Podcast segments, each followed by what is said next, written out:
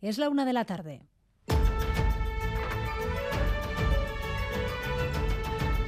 Crónica de Euskadi con María Cereceda. Arrachaldeón Osakidecha vive hoy la primera de las dos jornadas de huelga previstas esta semana en hospitales, en centros de salud y de emergencias. Los sindicatos han vuelto a llamar a la movilización por sus condiciones laborales, más inversión, mejoras para los profesionales. Hablan de amplio seguimiento y se manifiestan a esta hora en las calles de Vitoria-Gasteiz. Allí está nuestro compañero Rodrigo Manero. Rodrigo Arrachaldeón. Hola Rachaldeón, sí, estamos ahora mismo frente al ambulatorio de Olaguibel, donde acaba de concluir la manifestación que ha rodeado a la manzana del Hospital de Santiago, con bastante participación de trabajadores de Osakidecha y con una pancarta en la que puede leerse no al desmantelamiento de la sanidad eh, pública. Han lanzado proclamas contra la consejera Sagardui y su denuncia de que la sanidad cada vez está peor y que necesita un cambio de rumbo. Los eh, sindicatos no han dado datos todavía de seguimiento oficial, según sus cálculos de esta huelga, pero sí dicen que algunos servicios y algunos centros de salud no han podido funcionar esta mañana. Gracias, Rodrigo. El Gobierno vasco, el Departamento de Salud, rebaja ese seguimiento de esta huelga por debajo del 10% en el turno de esta mañana. La consejera Sagardui negaba hoy el desmantelamiento alguno en Osakidecha y centraba los problemas en la falta de profesionales.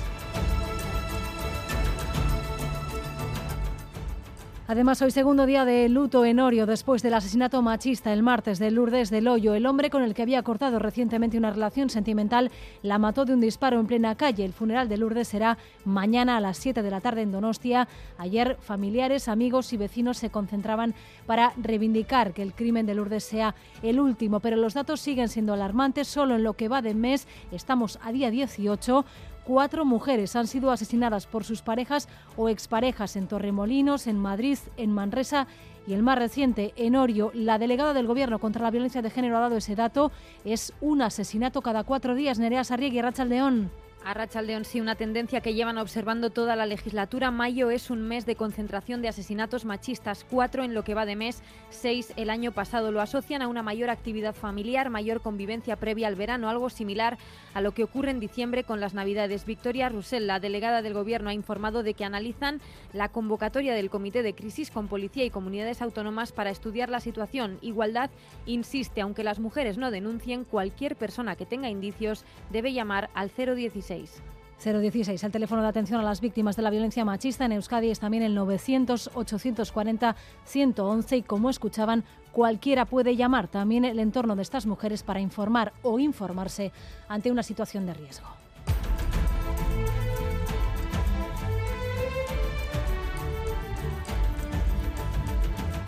Hoy séptimo día de campaña electoral, también el último día para solicitar el voto por correo. Quien no pueda acudir presencialmente a votar y quiera hacerlo, debe pasar hoy por una oficina de correos, identificarse y recoger los impresos. También puede hacerlo online, confirma Electrónica. Santiago Romero es presidente de la Junta Electoral de Zona de Donostia San Sebastián. La aceptación vendría porque bueno, lo que se va a hacer en primer lugar es obtener un certificado de inscripción en el censo electoral. Es decir, luego se comprueba que efectivamente la persona que solicita el voto por correo está inscrita en el censo electoral porque es un requisito previo y necesario para poder eh, votar. Una vez con los papeles, el voto por correo se puede emitir después hasta el 24 de mayo. Además de la información electoral, esta noche en ITV les ofrecemos el tercero de los debates, en este caso entre candidatas y candidatos a gobernar la Diputación de Guipúzcoa a partir de las 10 de la noche en Radio de Euskadi, ETV2 y ITV.eus.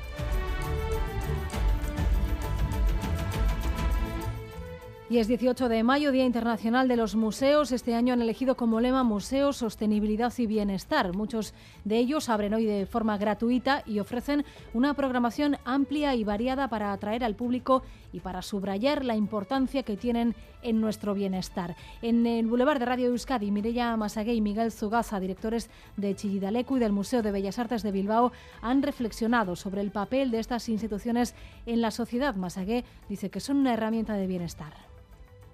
Somos una herramienta, yo diría, de bienestar. Acercarse a Chialecu, pasear por sus campas, descubrir el caserío, de nuevo te produce un bienestar personal. Sencillamente el estar en contacto con el arte y la naturaleza, tener un tiempo para ti mismo, para estar tranquilo y reflexionar. Son momentos que en esta sociedad que tenemos ahora tan acelerada y sin duda es una parte muy importante para un equilibrio emocional y después, por supuesto, para crecer como personas.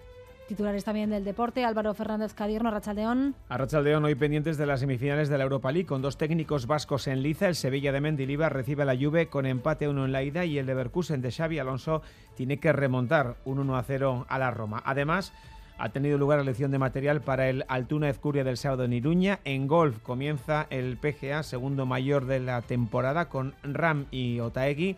Y en ciclismo se corre la decimosegunda etapa del Giro de Italia con un puerto a 18 kilómetros de meta.